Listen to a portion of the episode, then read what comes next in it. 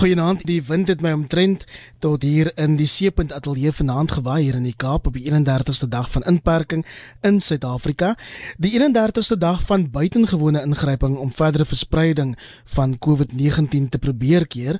En as jy vandag rapport gelees het, is jy waarskynlik diep benoud na die voorblad opskrif wat lui: "Halfte van Suid-Afrika se kos is amper op." En vanaand vra ons eenvoudig: is die vlak 4 inperking wat dan nou Vrydag inskop werklik erger as wat ons tans beleef. En hoe realisties is sommige mense se vrese oor 'n staatsgreep in hierdie tyd? Ons hou ook verwikkelinge oor die Noord-Koreaanse diktator Kim Jong-un dop en praat oor Donald Trump se uitlatings dat ons smettingsmiddels moontlik COVID-19 kan keer. My gaste vanaand is Flip Buys, hy is die voorsteur van die Solidariteit Beweging. Nancy Flip. Nou, goeienaand al. Goeienaand Dr Ina Gous van die Universiteit van die Vrystaat. Welkom Ina. Goeienaand. En ons groet ook Roland Henwood van die Universiteit van Pretoria. Nancy Roland. Goeienaand almal. Kollegas paneellede, byvoorbeeld dankie dat julle vanaand julle insigte op kommentaar gaan deel en op hierdie nuusbesprekingsprogram kry ons oudergewoonte verskillende perspektiewe oor die week se nuus en nuusmakers. Met ander woorde, daar kan 3 tot 4 verskillende perspektiewe oor elke onderwerp wees en bo aan die besprekingslys is die vlakke van inperking wat intussen die week aangekondig is saam met daai groot stimuluspakket. Flip ons begin by jou. Is vlak 4 werklik erger as die huidige vlak 5? Soos heelwat kommentators oor die naweek in media, ehm um, sosiale media gesuggereer het en saam met dit jou algemene indrukke oor die jongste skuwe om die virus te probeer keer. Alhoewel ek wil nie sê dit is erger nie, maar ek wil sê dit is baie dieselfde.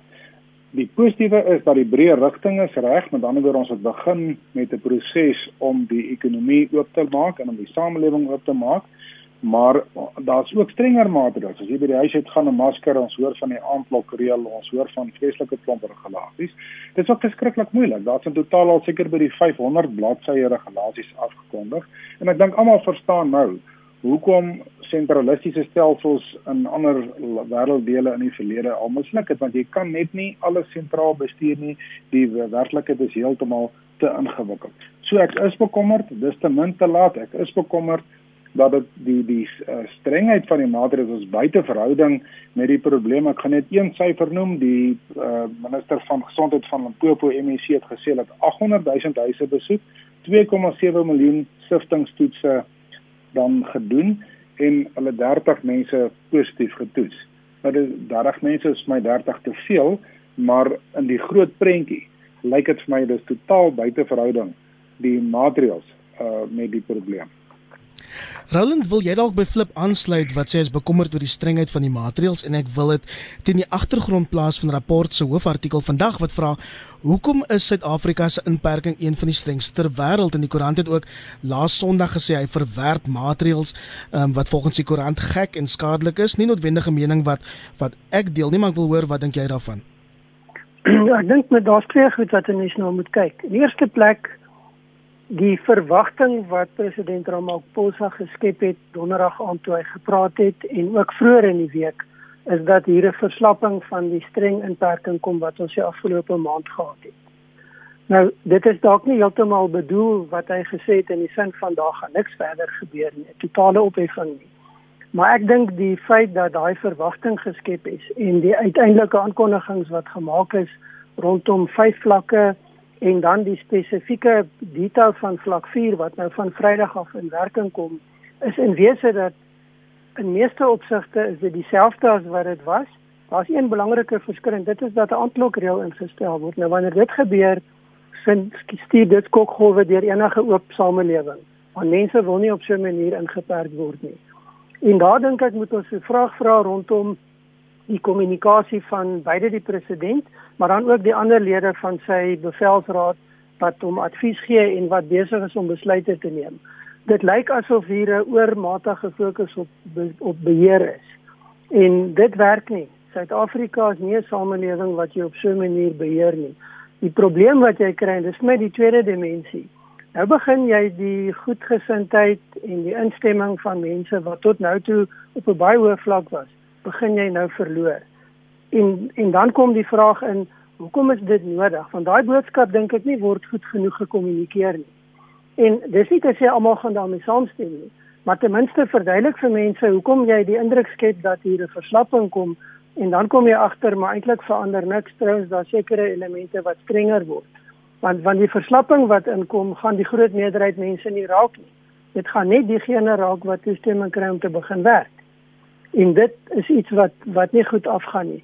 Ek dink saam met dit die president het die indruk geskep van wye beraadslaging wat plaasgevind het en wat gaan plaasvind sodat die regulasies verfyn kan word sodat die stelsel beter kan werk. Met so 'n drakoniese stelsel kan jy nie gaan verder onderhandel en dit verfyn nie, want jy kan dit nie doen nie. En ek dink daar's 'n groot probleem en my ongemak is dat mense gaan nie net meer begin kla nie. Mense gaan begin optree en die groot mate van 'n kollektiewe gesindheid ter ondersteuning wat ons gehad het kan dalk begin verdwyn en dan gaan dit baie moeilik raak. En ek dink daar is redelike konsensus dat inperking nodig is om COVID-19 te probeer keer en ek dink ons almal verstaan dat ons nou onbepaald in in inperking is. Maar is dit werklik nodig om 73000 soldate en die polisie saam met 'n nuwe aanklokreël um, te implementeer? 'n woordterm wat ek nie noodwendig weet of dit die regte een is nie maar die aanklokreël ons moet 8 uur saans almal binne ons huise wees. Ons kan in elk geval nêrens gaan nie. En dan is die menseregte prokureur Richard Spoor reg wanneer hy dit vandag op Twitter beskryf as 'n onvanpaste reaksie op 'n gesondheidskrisis. Ja, ek dink is rede tot kommer en en die groot ding is soos wat ehm um, Roland nou gesê het, is ook die kommunikasie hiervan. Baie van die maatreëls word nou in plek gesit Ehm um, jy weet nou dat daar eintlik 'n goeie eh, toespraak deur die president gehou het wat almal gedink het is 'n goeie benadering, progressief, goed deurdink totdat ministers op die podium kom. En en eintlik ehm um, jy weet mense uit mekaar maak. En die ontplooiing van die weermag op hierdie groot skaal is een daarvan. Daar's nog niemand wat vir ons stap vir stap verduidelik het hoekom dit nodig is. Nou die aanklok weer wat ingekom het laat mens wonder of dit dan nou die rede is om te sorg dat dit toegepas word. Maar ek dink dit gaan die teenoorgestelde effek hê. Ek dink mense gaan onrustig wees, hulle gaan onrustig raak en daar gaan 'n mate van ehm um, rebellie intree waarskynlik. En ek dink daar's ook nie goed genoeg gekommunikeer tot dusver wat my aanbetref. Ehm um, die met die uh, die wyse waarop die weermag die reëls handhaaf. Ehm um, is nog nie duidelik genoeg nie. En en en en met die hierdie uh, verslae wat ons gekry het uh, met die wyse waarop baie van die weermaglede hulle mag misbruik. Voel ek moet daar baie meer klem gelê word op daarop ter wille van die samelewing wat hulle van die publiek verwag. Dis nou die derde kommentator wat vanaand sê dat daar nie goed genoeg gekommunikeer word oor die plan nie. Ek moet vir julle sê, uit my perspektief waar ek in in in inperking saam met my ouers is, um, in in Kaapstad word daar vir my oor reageer. Ons is ons is tot getoets ook. Maar as ons dan nou so krities is op hierdie plan en en, en dit beskryf as 'n oorreaksie en en wat ek ook lees dat Cyril Ramaphosa die bal misslaan flip. Dink jy met ander woorde die COVID-19 plan is op 'n foutiewe model en data gebaseer? Ja, eiwer ek is baie bekommerd daaroor. Ek wil begin deur te sê jy het nou gepraat oor dat almal die inperking steun. Nou uh, ek meen ek ek het self die eerste inperking gesteun en gedink wel dat die dat die regulasies te streng is, maar mense het verstaan dat daar moet 'n inperking wees om die ding te keer en en dat hy stadiger versprei. Maar uh, nou begin mense bekommerd raak. Jy weet, uh dit dit is 'n unieke situasie dat ons 'n onbepaalde termyn het. Ek meen dit is dit is onmoontlik. Ons moet ons eerder in die geskiedenis wys dit ons moet eerder die siekes in kwarantyne sit as die gesondes weet ons moet mos eerder 'n situasie hê waar dat mense almal wat gesond kan werk, alle mense, alle bedrywe, alle gebiede in die land, uh, dat hulle weer kan terugkeer en dat hulle die ekonomie in gang kan hou omdat die stryd teen die virus gaan baie lank wees. Dit daar gaan hulpbronne nodig wees. En dit is wat my bekommer. Uh, mense hoor nou al hoe meer stemme onlangs weer uh, ek dink gister of eergister van die vorige hoof van die sentrum vir oordraagbare siektes, Prof Shabi Madi wat gesê het dat die eerste uh, berekenings van die regering, die wat die mense wat dit vir hulle gedoen het, was verkeerd geweest. En hy het gesê dat die berekenings wat wat hy gedoen het en ander kundiges gedoen het, is dat dit omtrent uh, 25000 sterftes kan veroorsaak in plaas van die honderde duisende wat vroeër bereken het. Nou 25000 is nog steeds 25000 te veel, maar dit is min of meer in dieselfde verhouding as wat TB of diabetes en daai tipe van goed is. En wat ons dan moet kyk na is hoe gaan ons die mense wat in hoë risikogroep is, jou ongesonde mense wat reeds sê net maar in huise is. Hoe gaan ons hulle beskerm in die eerste plek? In die tweede plek, hoe gaan ons verpligte self-isolasie van mense toepas wat gesondheidsrisiko het? Hoe gaan ons grootskaalse toetsing en opsporing doen? Maar daarna en en en, en natuurlik sulke goed soos uh, die die verbod op die inkomste van groot groepe mense, daai goed is alles reg, alles belangrik. Maar daarna sal ons moet kyk na die volle oopmaak van die ekonomie so gou as moontlik vir almal wat gesond kan werk. Ek hoor wat jy sê, maar ek um, woon in die provinsie wat na die episentrum van hierdie virus is. Ek ken mense um, wat 2 km van my huis af bly wat wat hierdie virus gekry het. Ehm um, Roland, ek is die afgelope week oorval deur tweets, eposse van luisteraars. Daar is duidelik twee kampe. Die eerste ervaar die regering tans as magsbehep en iemand het hulle selfs as alarmisties beskryf en die ander kamp wat moontlik die grootste deel is volgens my sê hulle respekteer president Cyril Ramaphosa want drastiese ingryping is nodig om die pandemie te hanteer wat ons nou ook by Flip gehoor het en ons praat daarmee van 'n president wat wêreldwyd vir sy spesifieke aanslag en ingryping op die oomblik geprys word Ja, ek dink nie daar's enige twyfel dat die president binnelands en in die buiteland baie hoë aansien geniet in die breë vir wat hy doen en hoe hy dit doen nie.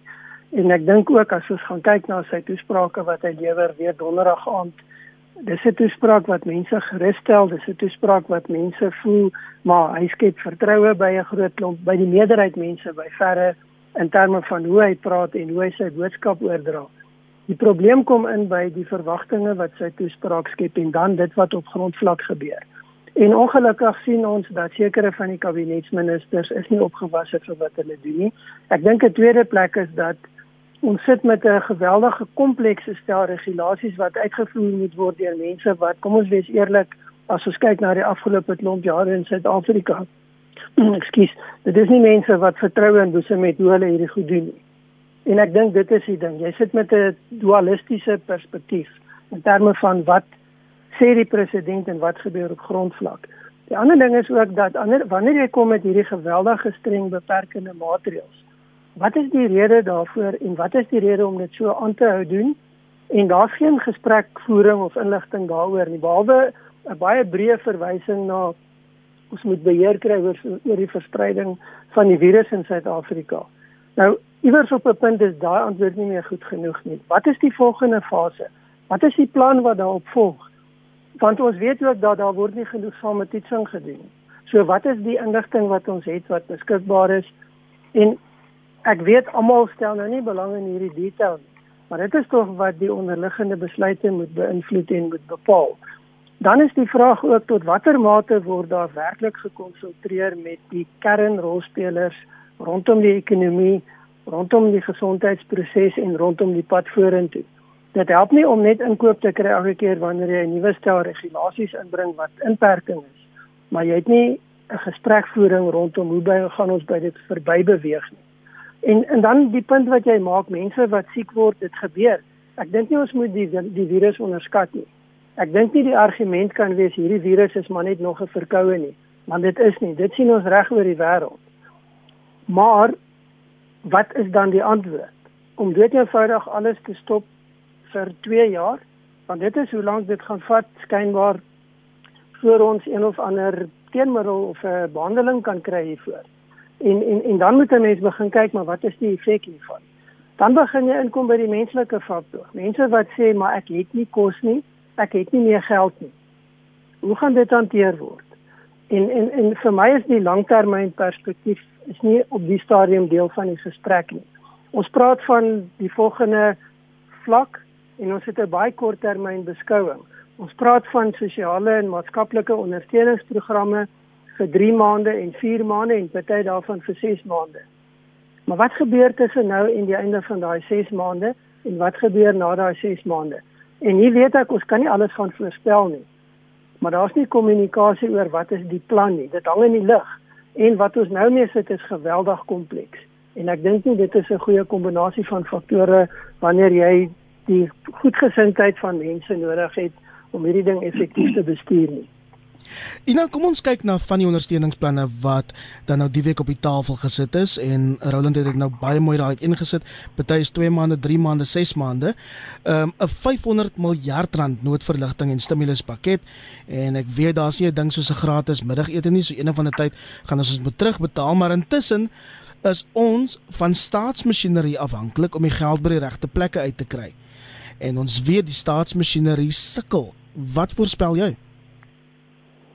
Ek is ongelukkig weet redelik ehm um, negatief op die oomblik oor oor oor die vooruitsig hier. Ehm um, jy weet wat nog altyd nodig was is vir die staat is die vermoë om basiese dienste te lewer soos veilige drinkwater, elektrisiteit, behuising, voedsel vir kwesbare gemeenskappe ensovoorts. Ander noodsaaklike dienste soos jy weet die betaling van die, die maatskaplike toelaag en dan mediese dienste, mediese nooddienste, kroniese uh, mediese dienste en en toegang tot die dienste moet nie al moeiliker gemaak word. Weet dit normale staatsfunksies wat die regering gesukkel het om uit te voer weens korrupsie en swak vaardighede op kritieke vlakke en omdat amptenare nie verantwoordelik gehou is vir wanbestuur en onbevoegdheid nie. Wat is also baie op hierdie program bespreek het. En in te midde van hierdie druk het die pandemie bygekom en nog druk geplaas op staatskapasiteit. Ek weet net gesondheidsorg alleen is vir die algemeen swak geweest. Fragmentering van die dienste, swak kwaliteit van diens, personeeltekorte, swak finansiële bestuur, infrastruktuur uitdagings. Nou alhoewel baie geld nou beskikbaar gemaak is met hierdie uh jy weet groot noodfondse uh om die druk op die stelsel te verlig as gevolg van die pandemie, is dit moeilik om vas te stel hoe hierdie fondse aangewend gaan word. Um om die staat nie net seker wat met die virus verband hou te hanteer nie, maar ook in die algemeen noodsaaklike gesondheidsorg aan te hou en of selfs beter te doen. Um en steeds word daar staat gemaak soos nou al baie gesê het op samewerking van die publiek. Um en daar gaan steeds meer wees. Dit moet net nie moeiliker wees vir die publiek om by dienste uit te kom nie. En daar moet ons gekommunikeer word hier waar ek bly. Hoe gaan dinge verander? Hoe word hierdie kapasiteit beter gemaak? En hoe gaan dit my beïnvloed? Hoe gaan ek toegang? Hoe gaan ek beter wees? En my ander groot ding is onder omstandighede is daar daar's nood wat nou aangespreek moet word, onmiddellike noodaspekte. Maar tog moet voel ek die plaaslike ekonomiese ontwikkeling nou sy plek vol staan. Enige intervensies wat gedoen word nou moet met die doel gedoen word om uh, om om om volhoubaar te wees vir die toekoms. En ek hoop dit is ook um, die toekomsvisie. Flip, intussen kom daar vanaand 200 Kubaanse dokters in Suid-Afrika aan om ons te kom help in hierdie stryd teen COVID-19 en net vir perspektief. Ek het dit vinnige jongste syfers ge, van seker gemaak. Africa Check reken Suid-Afrika het so 4,7 dokters per 10000 mense en Kuba het so 67 dokters per elke 10000 mense en dit dit op sigself vertel 'n storie flip. Ja, nee, dit vertel 'n storie, maar die uh, die storie is onder andere dat die regeringe deur die afgelope jare het hulle nie byvoorbeeld nou uh, privaat universiteite toegelaat om dokters op te lei nie. Hulle het uh, verpleegopleiding het hulle baie benadeel by die meeste universiteite in in die land asook by private universiteite. So uh, natuurlik verwelkom mense dit. Ek is nie seker hoe goed daardie mense opgelei is nie. Ek ek, ek ken nie die stelsel goed nie, maar ek dink die kern van die saak is ons moet dit nie net as 'n gesondheidsprobleem sien nie. Ek wil vir jou sê Iwer dat ons hierdie probleem glad nie onderskat nie. Dis 'n ernstige siekte. Baie baie mense in hierdie land gaan nog siek word. Ons het gehoor professor Karim sê die hoogtepunt gaan in September kom. Ek is bang ons sit met 'n hoogtepunt in die siekte in September en met 'n laagtepunt in die ekonomie in September. En ons kan nie die ekonomie en die siekte van mekaar skei nie. Mense se lewens en se lewensmiddels is in gedrang. Hier's miljoene mense in Suid-Afrika. As ek my my syfer wat ek het is hier die 30 miljoen mense wat met 'n 1300 rand 'n maand moet klaarkom. Wat die meeste van hulle nie gekry het die afgelope maand nie. Hoe op aarde gaan die regering verhoed dat hierdie inperking nie op homself instort nie, want dat mense gaan dit moet ignoreer, arme mense omdat hulle sal moet begin werk en hulle sal moet kos uh, in die hande begin kry. Ons het gesien van vandag 'n rapport die die vreeslike die skreeuende statistieke van hoe min mense kos het, genoeg kos het vir die toekoms wat kom. En ons weet mos almal daar is nie 'n manier hoe die uh, regering in die staat vir almal sal kan sorg nie. So ek sê ja, baie mense gaan nog siek word. Die goeie nuus is daarmee saam is dit baie meer mense, meer as 99% gaan gesond word en ons het 'n ekonomie nodig anderste ehm um, weet gaan mense se lewens daarin gebring bly. Ons moet weer aan die gang kom, maar ek sê weer ons kan nie ons bepleit nie van solidariteit se kant af weer uh, normaal soos vroeër nie. Ons sal moet teruggaan vir 'n geruime tyd na 'n paar maande na 'n nuwe normaal toe waar mense gesond werk, waar hulle beroepsgesondheid risiko-ontledings doen, waar hulle sosiale afstand handhaaf en die punt wat ons wil maak is miljoene mense in land wat veiliger en gesonder by die werk kan wees as wat hulle by die huis is op hierdie stadium. Ek wonder as ek julle nou reg verstaan, vrees julle dat mense kan opstaan ehm um, dat dat dit kan oorspoel tot een of ander opstand. Dis drie subtekst waarvan waarvan ons hier praat. En net oor die landbou kwessie, rapport wat vandag berig dat die helfte van Suid-Afrika se kos amper op is. Ehm um, ek het Waldemar Pelser die redakteur se tweets gevolg. Dis dis gebaseer op 'n baie spesifieke peiling en die landboukenners waarvan ek 'n hele paar ken en twee vandag mee gepraat het wat in die regering se COVID-19 taakspan dien. Hulle sê ons probleem is nie kosbeskikbaarheid nie. Daar's kos vir Afrika, maar eerder kosverspreiding en die ekon ekonomiese toegang wat mense het om daai kos te kan um, bekostig. Vrees jy vir die ergste Roland? Ek vrees nie vir die ergste nie, maar ek dink 'n mens en ek is bekommerd daaroor. Ek dink die oor regulering wat ons kry op goed wat nie noodwendig belangrik is nie en die te min aandag gegee word aan die langtermyn is wat my bekommerd maak. En ja, en ons weet ons het reeds gesien gebeur op plekke in Suid-Afrika waar mense dood eenvoudig begin om op te tree om hulle eie belange te dien. Dit is nie 'n nuwe verskynsel nie. Dit is normale politiek in Suid-Afrika. Dit is normale handel en wandel in Suid-Afrika en dit gaan weer gebeur. Die probleem is nou gebeur dit dalk op die verkeerde tyd. Maar en en en, en dis die punt wat Flip ook nou gemaak het en dit sluit aan by my fokus op die langer termyn. Gegee dat die projeksies wat vanuit die regering kom sê hierdie ding gaan piek teen September. Wat word in reserve gehou om die probleem te hanteer teen September? As ons sien wat nou op vlak 5 in die lockdown gebeur het en wat nou op vlak 4 in die vooruitsig gestel word. Suid-Afrika kan nie tot in September in hierdie vlakke van inperking funksioneer nie, want dan gaan jou stelsels net eenvoudig in duie stort. En en dit is die goed wat my bekommerd maak. En en die die voorbeeld of die effek daarvan wat ons reeds sien, is die kwessie van voedselbeskikbaarheid. Dit is nie 'n probleem dat daar nie genoeg geproduseer word nie, maar dit kom nie by mense uit nie. Tweede probleem is die mense wat geld het om te koop, kan dalk nog die meeste van die middele kry. Hulle kan nie alles kry nie, maar hulle kan die meeste kry. Maar die mense wat werkloos is, wat nie spaargeld het nie, wat niks het nie, hoe gaan hulle daai kos in die hande kry? En dan kom die probleem in by die verspreidingsnetwerke wat geweldig onder druk is en nie effektief funksioneer of effektief genoeg funksioneer om aan hierdie groot klomp mense te kan voorsien. En dis waar die probleem gaan kom. Ina, wat dink jy van vrese by sommige Suid-Afrikaners dat wat ons tans beleef eintlik die begin is van die ANC herfs. 'n Luisteraar het my vandag getweet om te sê die nasionale vervolgingsgesag het nog niemand gevang nie. Die Zuma-faksie is nog springlewendig en hy reken dis nou Cyril se kans vir Afrika sterk sterkman politiek, Afrika sterkman politiek is hoe hy dit beskryf het of laat die weste um, demokrasie speel. Ja, dat is het groot klomp goed wat in plek is en dinamika wat in omstandighede soos hierdie ehm um, hulle kan uitspeel en jy moet as 'n staat, as 'n regering wys of jy weet ten minste toon dat jy in beheer is en dat jy 'n plan het. Dat jy weet hoe om dit uit te voer en die groot ding is jy moet sosiale publieke steun hê daarvoor. Soos ons nou al gesê het. En die oomblik as jy dit gaan begin verloor en daai uh, geleenthede gaan begin kom om om om om om te bevraagteken en om te kritiseer en om dan teen op te staan. So die ding kan 'n pad loop tot op daai punt. En hoewel mens nie ehm um, jy weet 'n vrees het uh vir die tipe goed nie, is dit tog seker beter om voor te berei vir die ergste en besluit te neem om dit te voorkom. Ek dink in die hele proses tot dusver is is daar 'n debat gevoer oor die waarde van inperking in die genoegstaat. En die konsensus waarop was van die begin af dat dit aan die begin 'n goeie idee was. Mens moet tog steeds kan vra hoekom.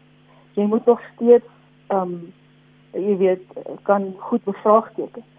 Ehm um, as daar inperking is en as daar besluite geneem word, dan jy moet nie ophou as 'n samelewing om dit te doen nie. Veral nie om uh, omstandighede soos hierdie nie. Ehm um, wanneer dit kom by die die die vervolging en dis meer. Ja, dat daar's 'n punt daarmee te maak. Ek meen dit was nou baie stil by nasionale volksgesag vir baie lank. Mens kan nie sien wat die vordering was nie. Dit is tog 'n funksie wat kan voortgaan onder die omstandighede. En Suid-Afrikaners wil nog steeds resultate sien uit uit al die ondersoeke uit. En dit is baie kommerwekkend as mens dan nou lees van uh, jy weet die Juba saak waar die leer weer eens weggeraak het. En boonbehalwe dit dink ek as mens kyk na van die verslae wat deurgekom het nou tydens die inpas en die korrupsie wat reeds weer plaasvind, gaan haar kantoor nog besigger word. Ehm um, tydens en na die inparke. So ehm um, dat mens graag beweging daar wil sien is nie altemat So goed, ek hoor wat julle sê en ons sê nou vir mekaar ons is nie bang vir ehm um, vrese ons ons vrees nie dat dit kan oorspoel tot tot iets anders nie tot burgerlike opstand nie. Ek dink ons regering is bang. Dis hoekom hulle 73000 weermaglede op die strate ontplooi. Um ek woon in 'n gemeenskap waar mense nog elke dag um aan ons deurklokkie hier by my ouers waar ek in inperkings kom. Die klokkie lui en kom kom vra vir kos. Ek was vanmiddag by 'n winkelsentrum waar 'n pa wat nie 'n hawelose is nie, buite 'n winkel staan en vir verskillende mense vra om om tog ietsie te kan koop flip. En ons weet hier's nie 'n einddatum in sig nie en ek weet ja. ook soos Theo Venter sê, daar is nie 'n handboek iewers wat ons kan gebruik om die pandemie te bestuur nie. Maar as jy die regering kon adviseer, wat sou jy dan in hierdie strategie wou byvoeg? Ja, ek sou vir my hoofraadgewer professor Karim luister wat verlede week al gesê het dat die inperking het sy doel gedien, hy gaan nie meer bereik nie. Nou sit ons met 'n onbepaalde inperking, die uh, verligte vlak 4 wat eintlik min verskil van die vorige vlakke en die vraag is wat hulle daardeur uh, dan bereik.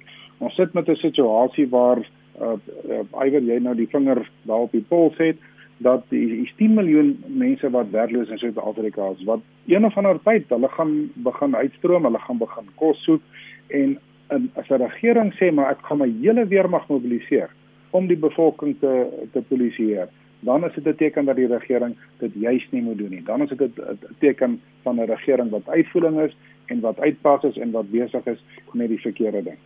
Wat ons vra van my kant af is nie 'n ding van om te sê kom ons maak net oop en ons gaan aan so so eh, weet 'n hele klomp jare gelede ons het groot sokker of rugby byeenkomste daai tipe goed. Wat ons maar sê is baie eenvoudig. Daar's baie goeie praktyke waar deur top beroepsgesondheid eh, beroepsgesondheidskundiges opgestel is wat reeds uh, gedoen is nou deur sê net maar Eskom Sasol hoeveel van daai maatskappye en in daai groot maatskappye is sover ek weet nie een persoon siek wat in die afgelope tyd gewerk het nie omdat hulle gesond werk en die werksplekke is daar dissipline. En vir my gaan dit nie hierso oor die ekonomie ons moet 'n keuse maak tussen net maar tussen werk en gesondheid. Jy moet 'n keuse maak vir albei, vir gesonde werk. Andersins gaan ons in 'n situasie sit waar hierdie ding op onsself inplof en dan gaan die weermag moet begin besluit. Die weermag te loops wat nie opgelei is vir skade beheer nie. Maar dan gaan moet begin besluit, jy weet, uh, moet hulle hardhandig teenoor die mense optree en dit kan tot 'n opstand lei en dis meer. So ek sê vir my eerder al daai goed doen eerder wat jou kundiges vir jou sê en begin die ekonomie vry te laat en vra net vir die mense en sorg net en stel beleid in plek dat dit op 'n gesonde manier gedoen kan word.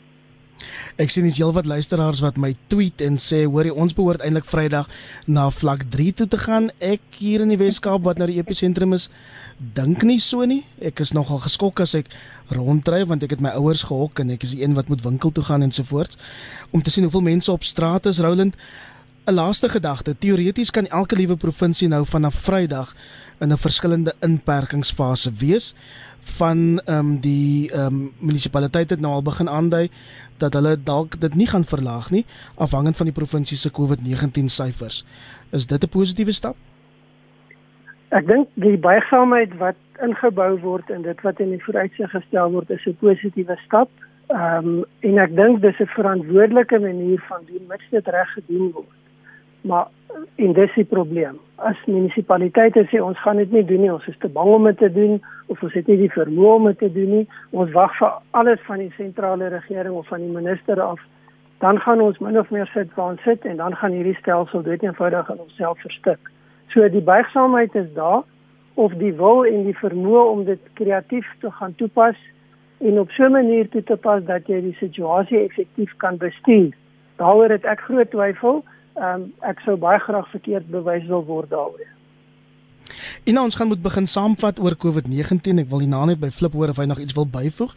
En ek wil vir jou 'n vraag stel wat ehm um, die politieke kommentator Jason Lloyd daar die baie laat weet het hy sê hy verwys na baie staatsamptenare ons ons ministers, ons president wat ehm um, salarisse sy eie salarisse gesny is in in hierdie tyd, maar hy vra wat van politici sin, kabinetslede, lede van die parlement, lede van die provinsiale wetgewers se salarisse is te groot sê Jason Lloyd, ook hulle byvoordeel is buitensporig. Hoekom moet hulle 'n verlaging vryspring terwyl hulle reeds beskuldig word dat hulle nie hulle werk in gemeenskappe of oorsigwerk ordentlik doen nie? Ja, hy het 'n baie goeie punt, Piet. Ons het al baie hieroor gepraat. Dit is ehm um, persone wat oor, oor die algemeen geweldige uh, salarisse kry. Ons het geweet hoe baie dit die staatskas kos. En daar's al baie belofte in elke begroting wat kom dat dat daar besnoei gaan word met hierdie tipe uitgawes wat ons ook nie regtig sien nie. En ehm um, so hy maak 'n baie goeie punt. Die groot ding is dit is uit dit is gelaat aan aan aan individue om te besluit of hulle dit wil doen of nie. Binne sekere uh jy weet, sektore dalk of of of of vlakke. En ehm um, dis nie 'n vereiste gewees en ek dink onder ons omstandighede soos die ongelukkig sal dit 'n vereiste gemaak moet word of 'n opdrag moet wees. Ehm um, uh, sou dit gebeur uh, want 9 uit 10 gaan sê of gaan dit probeer vryspring. En um, wat 'n uh, pandemie of 'n krisis soos hierdie altyd doen is om hierdie tipe goed bloot te lê. Uh, nie net die onbevoegdheid van die staat nie of die die, die dinge wat ons bekommer nie, maar ook die tipe gesindheid wat ons altyd nog sien en en vermoed maar wat hier blootgelê word op 'n baie duidelike vlak. En ek dit gaan ook indruk laat. Flip, ek gaan jou vra om die gesprek saam te vat met 'n en en ek wil net 'n nog 'n bydrae lees wat ek kry van iemand wie ek respekteer en sy sê stem jy in die paneel dis saam dat hierdie inperking nie dadelik gelig moet word nie. Ek is moeg vir ekonome wat dit glo, maar ek weet die armes kry swaar. Maar gaan die lig van hierdie lockdown regtig help? Ja, die um, ek wil ek wil dit opsom deur te sê ek dink die bevolking in die breed uh, meer Ramaphosa ondersteun tydens die eerste 3 uh, weke se inperking. Ek dink hy het waardig oorgekom en hy ek dink dit het 'n belangrike rol gespeel om die verspreiding van die virus dan uh, te streng. Maar ek wil self terselfdertyd sê sy hoofadviseur professor Karim het ook gesê die waarde is nou uit daaruit geput. Uh, hulle het nou voorbereidings getref, hulle doen nou toetse en so meer en daar's nie nou meer sin. Dit kan nie nou meer 'n groot uh, verskil maak nie. Vir my is die probleem om nou uh weet 'n um, nou onbepaalde tipe van inperking al al het dit nou verskillende vlakke dan in te bou met die met die bysaamheid vir die provinsie. Die probleem wat ek daarmee het, ons sit gaan nou in 'n wintertyd in. Dit gaan waarskynlik nou meer word. As dit meer word, dan gaan ons nie vorder met hierdie vlakke na laer vlakke toe nie. En die vraag is wat doen ons dan? En my antwoord is baie eenvoudig. Ons moet beweeg na 'n situasie waar mens eerder die siek mense kwarantyne as die gesonde mense dan uh kwarantyne. Uh, as iemand vra wat weet wat gaan dit help? Ek sê dit het nie meer 'n sin om so aan te gaan nie. Ons moet baie vinnig situasie kry waar ons mense eerder voorberei en oplei en lei daarin om op 'n gesonde manier te werk, soos wat baie maatskappye in die land reeds doen. As wat ons aangaan op hierdie manier wat daartoe gaan lei dat die stelsel op homself inplos soos die ander deelnemers ook al gesê het. Intussen het die wêreld fokus nou ook na Noord-Korea geskuif waarop nuus gewag word oor die gesondheidstoestand van die leier Kim Jong-un en van die berigte uit die VSA en Japan sê hy is naweek dood. Suid-Korea en China verwerp dit. Ehm um, hulle sê hulle het nie inligting daaroor ontvang nie en Roland, 'n mens sal natuurlik nie weet nie totdat Noord-Korea self sê wat van Kim Jong-un geword het nie. Ek sien dis nog steeds die top besprekingspunt op Twitter wêreldwyd. Hy het nie vir 'n belangrike staatsgeleentheid op 15 April opgedaag nie van wat ons aflei het uit die naweek 'n hartprosedure gehad. Hoe lees jy die politiek daar want dit klink vir my die bespiegeling begin nou skuif na sy suster toe. Ja, dit is interessant. Ons moet onthou Noord-Korea seker die mees geslote samelewing in sy in die wêreld en die inligting wat van daar uitkom word baie streng beheer en bestuur deur die mense wat in die leierskap van die regime is en veral die situasie rondom hulle leier ehm um, daar word geen inligting bekend gemaak nie. Nou hierdie bespiegelinge het so 10 dae terug begin en dit het begin by 'n groep ehm um, Noord-Koreaanse uitgewekenes wat 'n nuusbriefbedryf uit Suid-Korea het. En daar het die storie begin dat daar foute is met hom dat hy 'n sensitiewe operasie gehad het en dat hy nie gesond is nie. Maar daar's geen bevestiging daarvan nie. Daar's geen spesifieke aanduidings en en nou moet 'n mens staat maak as jy kyk na Noord-Korea op die waarnemings van mense wat werklik 'n studie van elke ding maak wat daar gebeur. Ehm um, die ry van mense, die die rondbeweeg van sekere persone tussen mekaar en op die stadium en dis waarom die Suid-Koreane sê daar's geen aanduiding nie want hulle sien geen patroon wat dit aandui nie.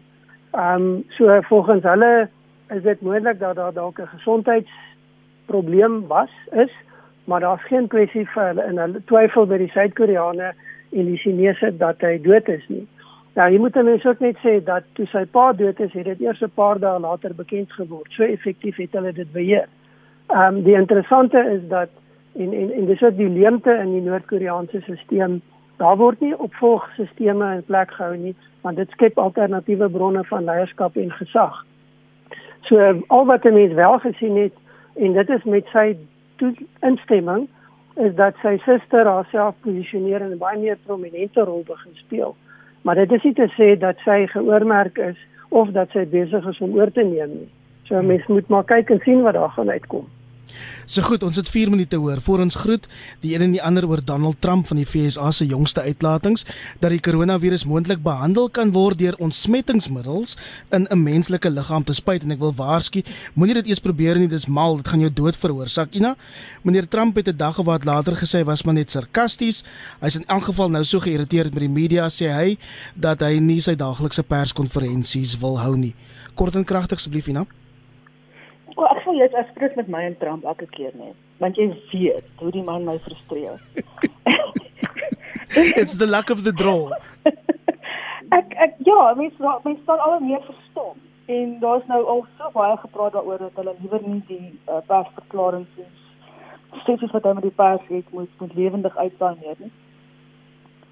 En omdat hy sulke ontsettende eh, dom ondeurdagte uitlatings maak in in in daai oomblik en die probleem is die kultus volg wat hy uh, volgers wat hy het gaan dan net doen dit. Daar was honderde verslae wat uh, uitgekom het van mense wat dit wat gaan ontwydingsmiddels drink het wat siek geword het wat in in in in hospitale te lande gekom en so wat hy sê het ongelukkige invloed of wat hoe dom dit ook al is ons so ek dink hulle moet regtig begin begin wonder oor oor oor oor die ehm um, uh perskonferensies En ek dink as hy gefrustreerd is van die pas wat nie meer wil doen nie, is dit eintlik 'n baie goeie idee oor algemeen.